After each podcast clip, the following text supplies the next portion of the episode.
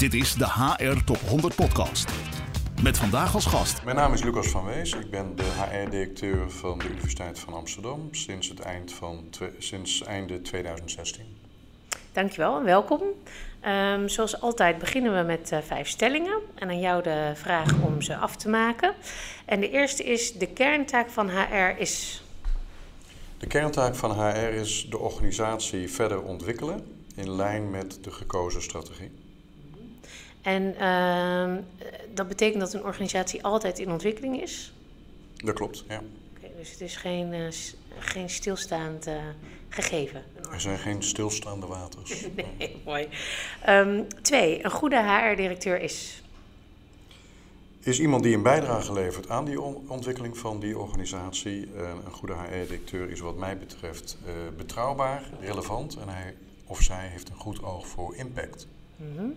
En uh, wat bedoel je met relevant? Uh, relevant is dat iemand actueel is, moet weten wat de issues zijn of wat de toekomstige issues zijn of zullen gaan zijn. Ja. Uh, daar goed op inspelen, soms ook vooruitlopen op deze ontwikkelingen. Ja. want we zien en horen veel. Mm -hmm. we zijn ook, als het goed is, goed aangesloten met wat er in de samenleving ja. en bij stakeholders om ons heen gebeurt. Ja, oké, dus ook buiten naar binnen brengen, zeg maar. ja. En impact, wat bedoel je daarmee?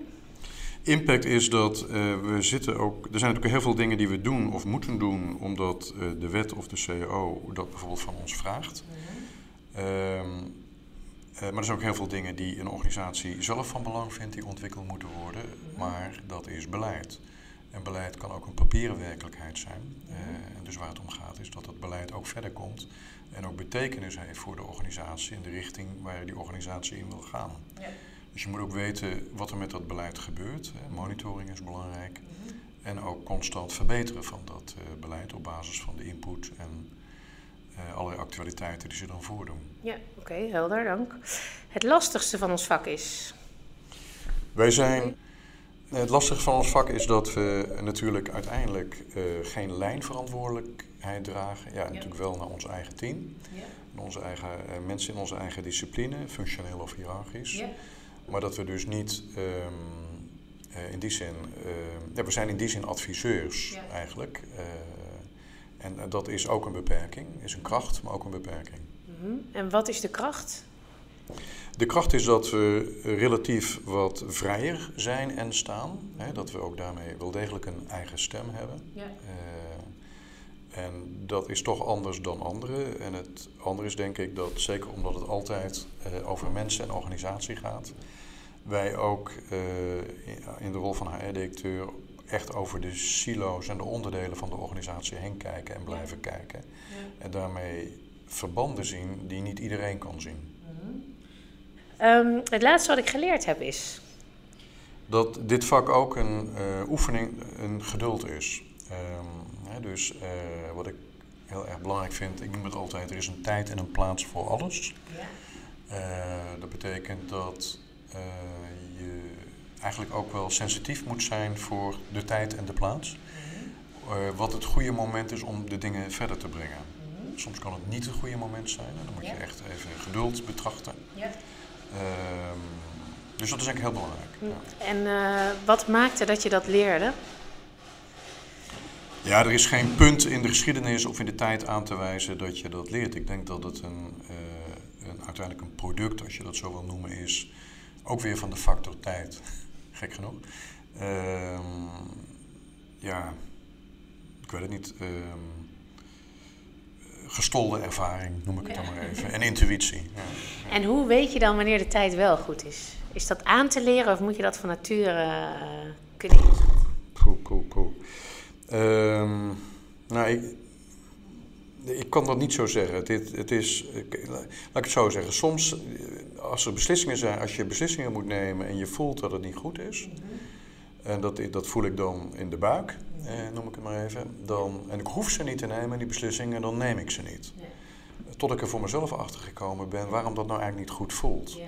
En, um, uh, ja, dus dat, dat, het, het, het, het, is veel dingen. Het is gevoel, het is ervaring, het is hart, het is hoofd. Um, ik weet niet of het ziel is, maar uh, het zijn heel veel dingen. Ja. ja lastig te leren, kan ik me voorstellen. Dus, maar wel belangrijk. Ja, ja. En de laatste is: werken gaat in essentie over. Nou ja, als ik het vanuit de formele rol van de HR-directeur uh, beantwoord, dan gaat het uiteraard, uiteraard, over de verdere ontwikkeling van die organisatie, ja. uh, nu en in de toekomst. Ja. En als het voor je persoonlijk gaat, gaat het over je eigen ontwikkeling. Uh, nou is werken niet het enige. Er zijn heel veel dingen daarbuiten die belangrijk zijn. En als mensen op het sterfbed liggen, praten ze maar zelden of niet over het werk. Dan gaat het over heel veel andere belangrijke dingen. Dus we moeten het denk ik wel um, in verhouding en balans blijven zien tot heel veel andere dingen die er ook zijn. Ja, wat, hè, dat is uh, denk ik mooi dat je dat zegt. Wat kun je daarmee als vakgebied? Hè? Dat besef dat werk niet het belangrijkste is vaak op, aan het eind van de rit. Hoe kun je daar als vakgebied mee omgaan? Nou ja, wat, wat ik vaak gezien heb in mijn praktijk in al die jaren is dat um, uh, ik best wel mensen heb gezien, zeker aan de top ook van een organisatie, die zichzelf verloren in het werk. Ja. Uh, getriggerd door hun eigen ego. Um, en die daarmee uiteindelijk overigens uh, hun relatie thuis verloren. Ja. Relatie met hun kinderen verloren. Ja. Uh, relatie met zichzelf verloren. Dat is misschien nog wel het ergste. Als je dat verliest. Uh, en gewoon de weg zijn kwijtgeraakt. En dat komt helaas voor. En helaas voor. En een van de voordelen als HR-professional is dat je dat ziet gebeuren. Ja. Soms kan helpen om daar overigens weer het juiste pad in te vinden voor anderen. Ja. Uh, maar die verantwoordelijkheid blijft altijd bij de anderen. Ja. Maar ook vooral voor jezelf ziet dat je zo'n weg niet op zou willen gaan. Ja. Ja, dus ook waken voor dat je een goede balans houdt eigenlijk in alle elementen in je leven. Ja, ja. Oké, okay, helder, dankjewel. Um, je bent nu werkzaam bij de, bij de UvA, naar eindverantwoordelijk voor HR. Zou je iets kunnen vertellen over de organisatie? Dus hoe die structuur is opgebouwd, wat HR, de plek van HR is misschien... Nou, de Universiteit van Amsterdam is een hele oude organisatie. Uh, het gaat terug tot ongeveer 1630. Eigenlijk als je naar de 100 oudste organisaties in Europa gaat, kijkt, dan zijn 90 van die 100 allemaal universiteiten. Oh ja. ja. dus het is een, gaat terug heel erg ver in de geschiedenis. Ja. En ook de Universiteit van Amsterdam is erg verbonden met de ontwikkeling ook van de stad Amsterdam. Ja. heel belangrijk. En wij zijn eigenlijk een uh, wereldwijd intellectueel knooppunt. Uh, we zijn de grootste universiteit van het land. We hebben 35.000 studenten. In toenemende mate een zeer groot aantal uit vele landen uit de hele wereld. Ja. 100 nationaliteiten lopen hier rond. En we hebben een werknemersbestand van, eh, als ik ook de promovendi en dergelijke meetel, eh, van ongeveer 10.000 mensen. Uh, we zijn ook daarmee naast Booking.com, denk ik, de grootste internationale werkgever uh, in deze stad. En het is een snoepwinkel van kennis uh, en ontwikkeling. Yeah. Uh, heel erg leuk om voor te werken. Yeah. Uh, ik werk hier nu bijna drie jaar, vanaf eind 2016, na 32 jaar in het bedrijfsleven gewerkt te hebben. bij Philips, eh, Shell, KPN en bij KLM. het is voor mij voor het eerst in de publieke sector. Yeah. En erg boeiend om mee te maken. En eh, voordat we de podcast aanzetten, toen zei ik: Ik heb drie hele belangrijke agendapunten hier uh, voor mezelf. Uh, zou je daar iets over willen vertellen? Ja, de, de Universiteit van Amsterdam um, uh, vindt uiteraard human resources heel erg belangrijk. Um, wij werken met een strategie en dat hebben we geformuleerd in het instellingsplan van de universiteit. Dat, heeft, uh, dat heet het IP. Dat um, heeft altijd een, een rijkwijde van vijf jaar. Het huidige instellingsplan loopt tot eind 2020. We zijn nu bezig met een nieuw instellingsplan voor de vijf jaar daarna. Voor de zes jaar daarna, sorry. Um, en in het huidige instellingsplan is ook een strategische HR-agenda gekoppeld, die zowel de onderlegger als de bovenlegger, zou je kunnen zeggen, van het instellingsplan is.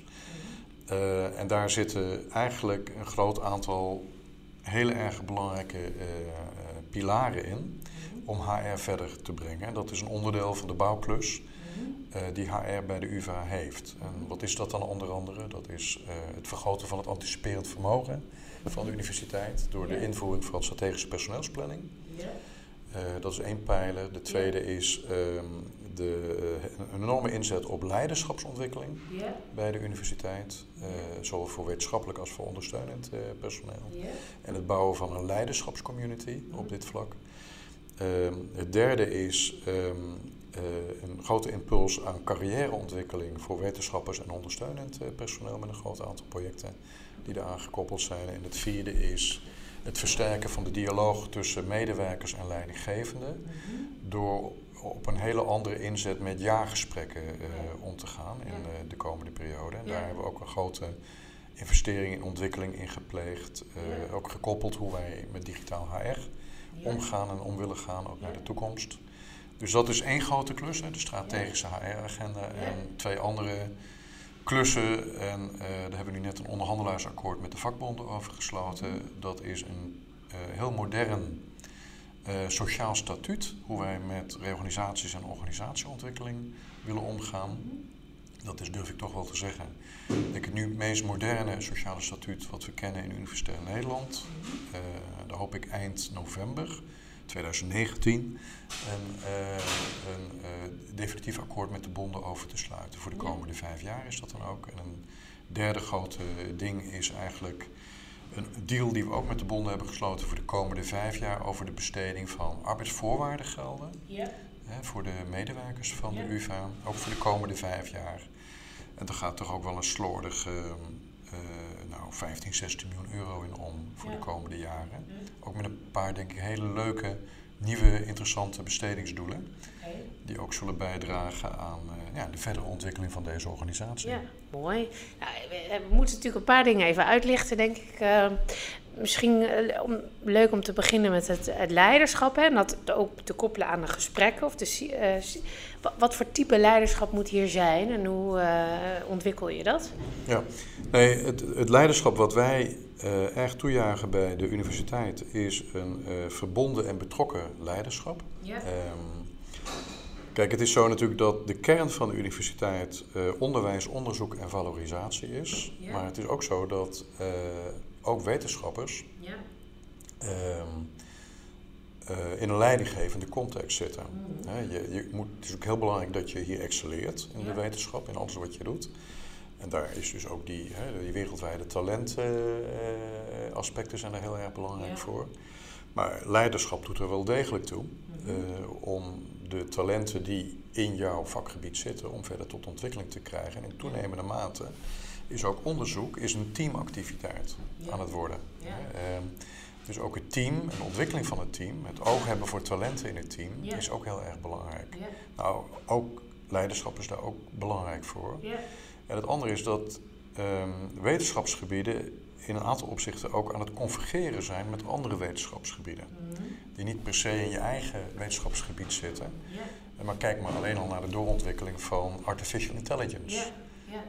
een van de redenen waarom wij nu bijvoorbeeld bij de UvA heel erg inzetten op AI, is dat we nu bijvoorbeeld vier hoogleraren hebben aangetrokken die in relatie tot onze vakgebieden, AI en humanities, AI en law, ja, dus is allemaal multidisciplinair. Allemaal ja. multidisciplinair, ja. althans voor een groot stuk multidisciplinair ook al aan het worden. Eh, om die zaken verder te brengen.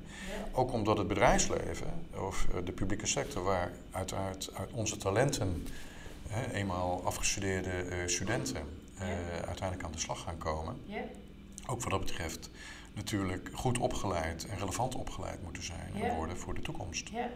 En hè, als je eh, meer zo, eh, zo'n multidisciplinair team aanstuurt, dan is, kan ik me voorstellen, maar dat vul ik in, hè, dat je als leidinggevende heb je niet meer genoeg aan uh, uh, het, het meest te weten over het onderwerp. Hè? Dus wat zijn dan belangrijke vaardigheden om te leren als leider? Nou, helemaal eens. Dus, dus je, je, je moet denk ik uh, heel goed, in, zoals overal met leiderschap overigens, in die zin is het niet uniek. Ja. je, moet, je moet een goed oog hebben voor hoe het met je mensen gaat en staat, uh, wat er speelt. Soms spelen er uh, dingen die niet 1, 2, 3 met werk te maken hebben, ja. maar die wel een weerslag op, uh, op het werk kunnen hebben.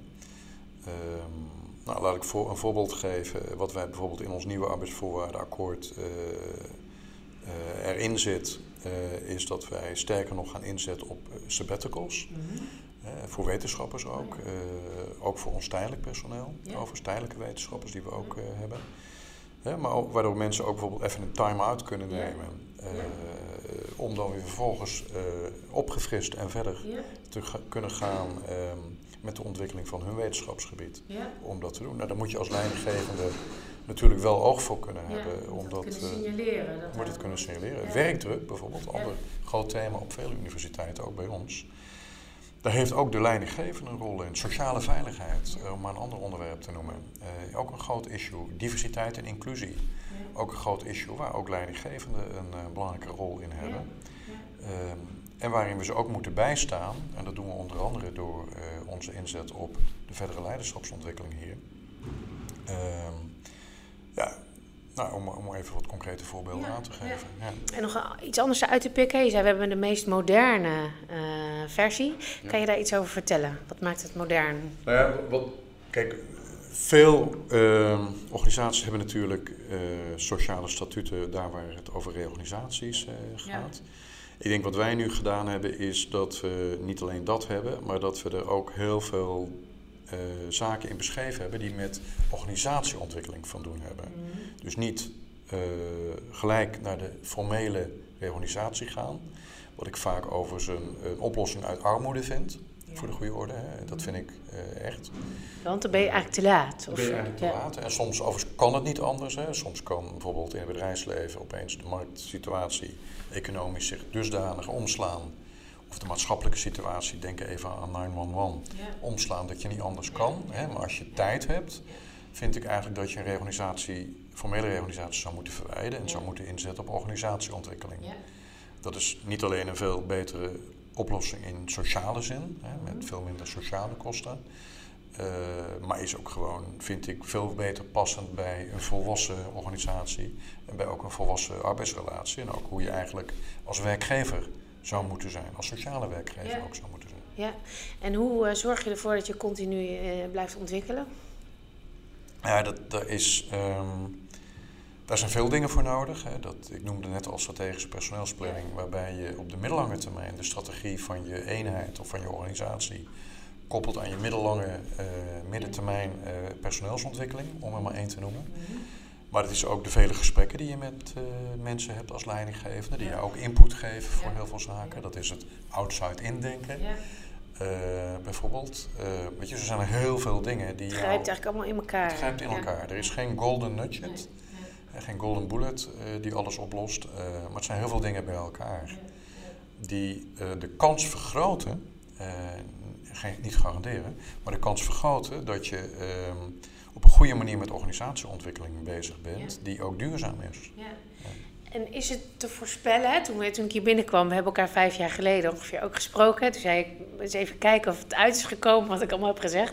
Hè, dat, dat zeg je natuurlijk niet voor niks. Het is natuurlijk heel lastig. Hè? Volgens mij had je het heel aardig gedaan trouwens, dat moeten we nog even zeggen. Ehm, maar is het heel lastig om te anticiperen op de toekomst? Hè? Zoals je zelf noemde al even 9-11. En hoe, hoe, ga je daarmee, hoe kun je daarmee omgaan? Nou, ik denk, denk heftige, ingrijpende geopolitieke issues, eh, die, die, die kan je eigenlijk niet echt voorspellen. Nee. Er zijn er maar weinigen die dat echt kunnen, Ja. eh, denk ik. Helaas komen die wel voor. En die kunnen alles op zijn kop zetten. Ja. Eh, vorige week was, wat was het, eh 90 jaar geleden of zoiets, de crash van 1929. Eh, nou, dat, dat, dat is een buitengewoon ingrijpende gebeurtenis eh, geweest in de, vele, in de levens van velen. Ja. Dus dat is denk ik lastig eh, te voorspellen. Ja. Maar veel dingen zie- denk ik toch wel dat je kan zien aankomen Ja. als je er oog voor hebt. Ja. Ja. Ja. Dat denk ik wel. En, dan, en nog een laatste voor eh, het UvA-gedeelte, hè? dus de, eh, de mix van de arbeidsvoorwaarden. Hè? Dus je, je noemde al even de sabbatical. Wat zijn andere ehm, dingen de- die jullie gaan aanbieden, die we misschien nog niet, eh, weinig mensen kennen? Of, Nou, ik denk wat, wat onder andere in ons eh, nu nog onderhandelaarsakkoord staat, is een eh, deal over een, ehm, een, we gaan mantelzorgverlof introduceren. Ehm, dat gaan we eerst op pilotbasis overigens nog doen voor de duur van een jaar. Ehm, dat is zoals je wellicht weet nu nog niet in de Europese of in de nationale wetgeving verankerd. Gaat er over, schat ik in, wel aankomen. Dus dat is iets waar, ehm, wat helpt in de balans overigens. Ja. In situaties die helaas veel mensen meemaken, eh, ook we- veel werkende mensen meemaken. En waarbij ze zich toch ehm, ja, soms ehm, dat echt heel vervelend vinden. Eh, waar ze hele belangrijke dingen doen voor hun naasten of hun geliefde. Ja. eh, maar waarbij hun werk in de verdrukking kan komen. Ja. Nou, we willen daar iets aan doen met Ja. mantelzorgverlof. Ehm, hè, dus dat is behoorlijk vooruitstrevend, denk ik, in. Nederland om dat, eh, om dat te gaan doen. Ja, mooi. En dus het draait ook veel inderdaad om die balans en om tijd. Ja. Hè? Dus tijd is eigenlijk nieuwe geld, zo, zoiets. Ja, of, eh, Ja, ja. Mooi. Ehm, en eh, je hebt niet alleen een rol bij de UvA, maar ook, eh, je kan het denk ik beter zelf zeggen, maar ik ga het fout zeggen, je bent de president van, van eigenlijk ons vakgebied, hè, de alle vereniging van ons vakgebied in Europa. Ehm, zou je daar iets over kunnen vertellen? Ja, klopt. Ik, ben, ik heb heel lang in het landelijk bestuur van de NVP gezeten. Dat is de beroepsorganisatie voor HR in Nederland, wel bekend denk ik. Ja, zeker. En ehm, eind 2016 ben ik gekozen, in Parijs was dat, op het Europese congres, HR-congres, eh, tot president van de EAPM. Dat is European Association for People Management. Ja. Dat is zeg maar de koepel van alle nationale HR-verenigingen in Europa. Eh, wij zijn inmiddels met 35 aangesloten landen en in die rol vertegenwoordig ik 250.000 HR-professionals eh, in Europa. En vanuit die rol zit ik ook in de Wereldboard, dat is de WFPMA, de World Federation for People Management Associations. Ja. Ieder continent heeft daar een president in zitten. Ja. En de Wereldboard eh, omvat 90 HR-verenigingen in de wereld met eh vertegenwoordigt daarmee 600.000 HR-professionals. Ja. Dus dat is mijn rol en eh, dat is, eh, ik ben benoemd tot eind 2020. Ja. En wat ik daar probeer te doen is eigenlijk eh, HR op Europese schaal eh, verder zien te brengen. Ook Europa een stem te geven. Eh, niet alleen de Wereldboard, maar ook op talloze nationale HR-congressen of spreekbeurten elders in de wereld die, Ja. ik, eh, die ik doe en hou. Eh, en we zijn met een groot aantal projecten bezig, ook in Europese context. Eh, om, om ook ons vak verder op de kaart te zetten en vorm en gestalte te geven. Unieke positie, een hele unieke blik, denk ik, op het eh, staat van ons vakgebied. eh, hè, in de rol die je hebt. Ehm, wa- wat zie jij als overkoepelende Europese thema's die je tegenkomt in ons vak? Ja. Nee, ik denk dat, en dat is een beetje ehm, lastig, gek genoeg als Nederlandse HR-professional om dat te zeggen. Omdat je er middenin zit. En zo zie je de verschillen misschien niet zo met HR Ja. buiten ons continent. Maar die zijn er wel degelijk. Laat ik op de eerste plaats zeggen dat, ehm, eigenlijk zou je kunnen zeggen dat eh, het HR-vak denk ik het verst ontwikkeld is in ehm, het Amerikaanse continent en het Europese continent. Als je naar de, ook de wereldboord kijkt, dan zie je dat 250.000 HR-professionals verenigd in die Europese koepel.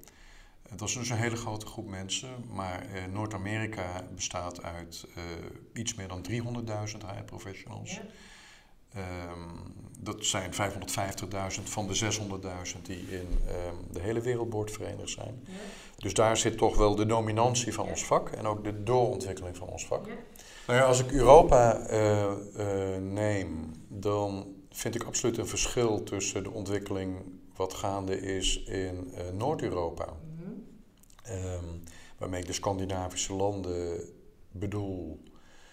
eh, plus IJsland, niet te vergeten Ja. in het verhaal. Hè. Als Ja. ik het heb over.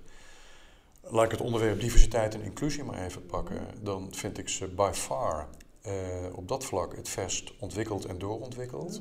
En ik denk ook wat wij hier bijvoorbeeld in Nederland eh, nog zullen gaan zien. Dat we uit die landen heel veel kunnen leren. Ja. Ik was eerder dit jaar was ik op een congres in IJsland van de noordelijke landen eh, over eh, gender Ja. eigenlijk. En ehm, daar was de oud-premier van IJsland ehm, en de minister van IJsland, die gender pay eh, in de wet daar verankerd heeft, die waren daar ook met een lezing. En eh, dat is daar nu een wet geworden. En daar is overigens na tien jaar praten in IJsland voor de goede orde, maar is nu een wet geworden. En daar zie je nu hoe gender pay ook echt gestalte krijgt in dat land. Ja. Dus de, iedere organisatie in IJsland die groter of gelijk dan 25 werknemers is, wordt op dit onderwerp eh, gecertificeerd. Ieder jaar. Ja. Zijn drie à vier certificeringsorganisaties. duidelijkheid, eh, gender pay, daar bedoel je gelijke betaling voor man en vrouw. Hè? Ja, Ja, in de wet dus dat, dat is daar buitengewoon serieus, eh, wordt het de hand genomen. En ik denk eerlijk gezegd dat eh, als een organisatie in Nederland of in Europa daar veel van over weten, moeten ze echt daar te gast gaan. Ja. Ik heb ook contacten met die mensen Ja. gelegd vanuit mijn Europese rol. Ja, dus kunnen ze bij jou aankloppen. Ja, dus ik heb die contacten van die mensen, dus eh, die, die kunnen dat, eh, nou ja goed, dat kan. Ja. Maar even als voorbeeld van, eh, van op dat vlak waar veel ontwikkeling denk ik eh gaan. Dus ik, vind, ik denk dat in Europa, eerlijk gezegd, veel landen kunnen leren hoe wij in Nederland omgaan met ons poldermodel. Hè, hoe wij toch in staat zijn, eh, ook als je naar de statistieken rond stakingen kijkt bijvoorbeeld, dan, dan is het af en toe wel onrustiger in Nederland. Ja. Maar per saldo weten wij nog steeds, neemt de pensioendeal altijd weer, soms op het allerlaatst, maar eh, een deal te sluiten Ja. over belangrijke maatschappelijke issues. Ja. Daar kunnen veel landen een puntje aan zuigen. Ja. Ehm, en de andere is denk ik toch eerlijk gezegd, als je heel groot en breed kijkt, eh, een paar weken geleden heeft de World Economic Forum heeft Nederland eh, uitgeroepen tot eh, het meest vooraanstaande concurrerende land op Europese schaal eh, in de wereld. Voor ons moeten wij nog duiden landen als Singapore, de Verenigde Staten, maar wij maken zeker goede sier op dit vlak. Nou, Eh, ja. hè, dus eh, weet je, de, en die statistieken hou ik ook in de gaten, ook vanuit mijn rol als, eh, als Europees eh, president. Ja. Ehm, dat vind ik ook, hè, daar denk ik ook nog wel een belangrijke vraag, waar we misschien later op nog komen te spreken, vind ik ook een opgave voor iedere HR-directeur, ook in ons land. Wat dragen wij nou bij? Niet alleen naast onze eigen rol als HR-directeur, maar ook wat dragen wij nou bij aan de verdere ontwikkeling van human capital in dit land? Even breed gedefinieerd. Dat was een oproep die ik ongeveer vijf jaar geleden ook voor de HR Top 10, Ja. Top 100 deed. En die wil ik nog eens een keer herhalen. Ja. Eh, want dat is wel degelijk belangrijk. En eh, kan je daar wat meer woorden aan geven? Wat bedoel je daarmee? Nou ja, kijk, als je naar die, die, die, ehm, zo'n World Economic Forum kijkt, of je kijkt naar ehm, allerlei andere onderzoekingen en eh, top, ehm, eh, eh, top rankings op de wereld, dan kan je zien hoe Nederland het doet, ook op wat softere issues. Hè? Ja. Hoe is de stand van het gewas waar daar het gaat over hoe wij met opleidingen omgaan? Ja. Hoe is de stand van het gewas hoe wij met arbeidsparticipatie omgaan? Inclusie, nou, noem maar op. Hè. Eh, fulltime, parttime werken, nou, enzovoort, enzovoort. Als je doorboort op die deelindices en op die eh, specifieke, wat kleinere componenten, dan is het eigenlijk zo dat de optelsom, wat wij daar allemaal aan doen, met onze eigen HR-agenda's in onze eigen organisaties, daar doen we eigenlijk aan mee. Alleen dat verband zien we niet altijd. Ehm, hè, dus, maar dat, dat verband is er wel degelijk. Ja, dus wat je eigenlijk zegt is HR is eh, indirect, hè, dra- draagt ook bij aan, die, aan die, eh, dat we zo hoog scoren. Hè? En- en je roept- We zien dat niet altijd. Nee, dus we moeten dat wat meer, eh, ons daar bewuster van zijn. Ja, we, we, we zien natuurlijk wel, dat, we, we doen natuurlijk talloze, oh, ieder- iedereen doet dat, talloze, we doen onze engagement surveys en iedereen Ja. doet dat. Maar weet je, als je ze abstraheert en optelt, dan is het eigenlijk ook zo dat ons land, ook zo'n World Economic Forum bijvoorbeeld, de maat wordt genomen op nationale Ja. indices. Ja. Maar ook heel veel human capital eh, eh, normen, Ja. eh, in zekere zin ook, worden meegeteld in het verhaal. En daar dragen we ook aan bij, zowel de publieke als de private sector. Ja. En wat zie je voor de toekomst voor ons vak voor ontwikkeling? Wat, wat, wat is een grote verandering die er aankomt? Ons vak ontwikkelt zich door en zet zich door eigenlijk op een ontwikkeling die reeds in gang is gezet. Hè? En dat is eigenlijk dat de hele, wat ik dan maar noem, de transactionele en de administratieve kant van ons vak eh, is, heeft zich natuurlijk gestandardiseerd. Is natuurlijk daarmee daarna geautomatiseerd ehm, en is in shared service centers gekomen. Eh, en wordt eh, voor een deel ook verder uitbesteed. Ja. Ehm, het andere wat je ook ziet is dat shared service centers samenkomen. Niet alleen voor HR, maar ook voor de hele financiële kant. Ehm, hè, dus die service centers worden eigenlijk groter. Ehm, wat ik ook een belangrijke ontwikkeling vind, is dat eigenlijk dat als je het hebt over metrics in HR, dan vind ik eigenlijk dat de metrics in alles wat met customer uh, basis te maken heeft. Hè. Dus heb ik het over CRM uh, eh, bijvoorbeeld. Verder voor, loopt vooruit op wat wij kunnen in HR. Er gaat veel meer geld in om. Maar uh, de lessons learned daar zullen vroeg of laat ook zich weer vertalen naar HR metrics. Ja. je ziet dat nu al met die hele focus op de employee experience. Hè? Dat is natuurlijk het begin daarvan. Ja, begin, ja. Dus daar, zien, daar, zien we, gaan we denk ik steeds meer kruisbestuiving zien uh, uh, naar de toekomst toe. Ja.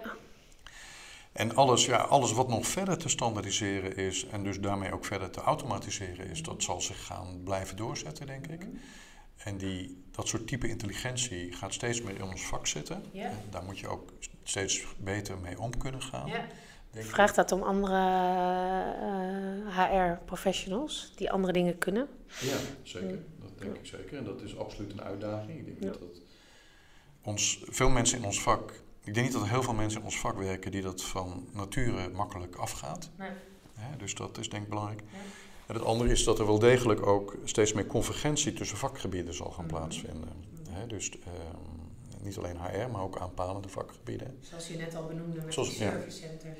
Ja, ja dus dat is denk ik heel belangrijk.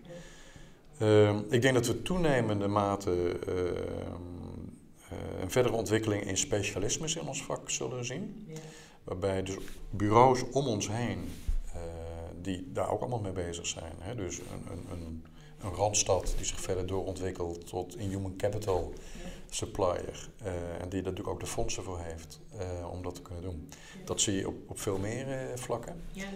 En het laatste, denk ik, wat belangrijk is, is dat de grote partijen zoals BCG, McKinsey enzovoort, die hebben allemaal standaard modellen die zeker bij de multinationals uh, zijn en worden uitgerold uh, voor een servicemodel rond HR.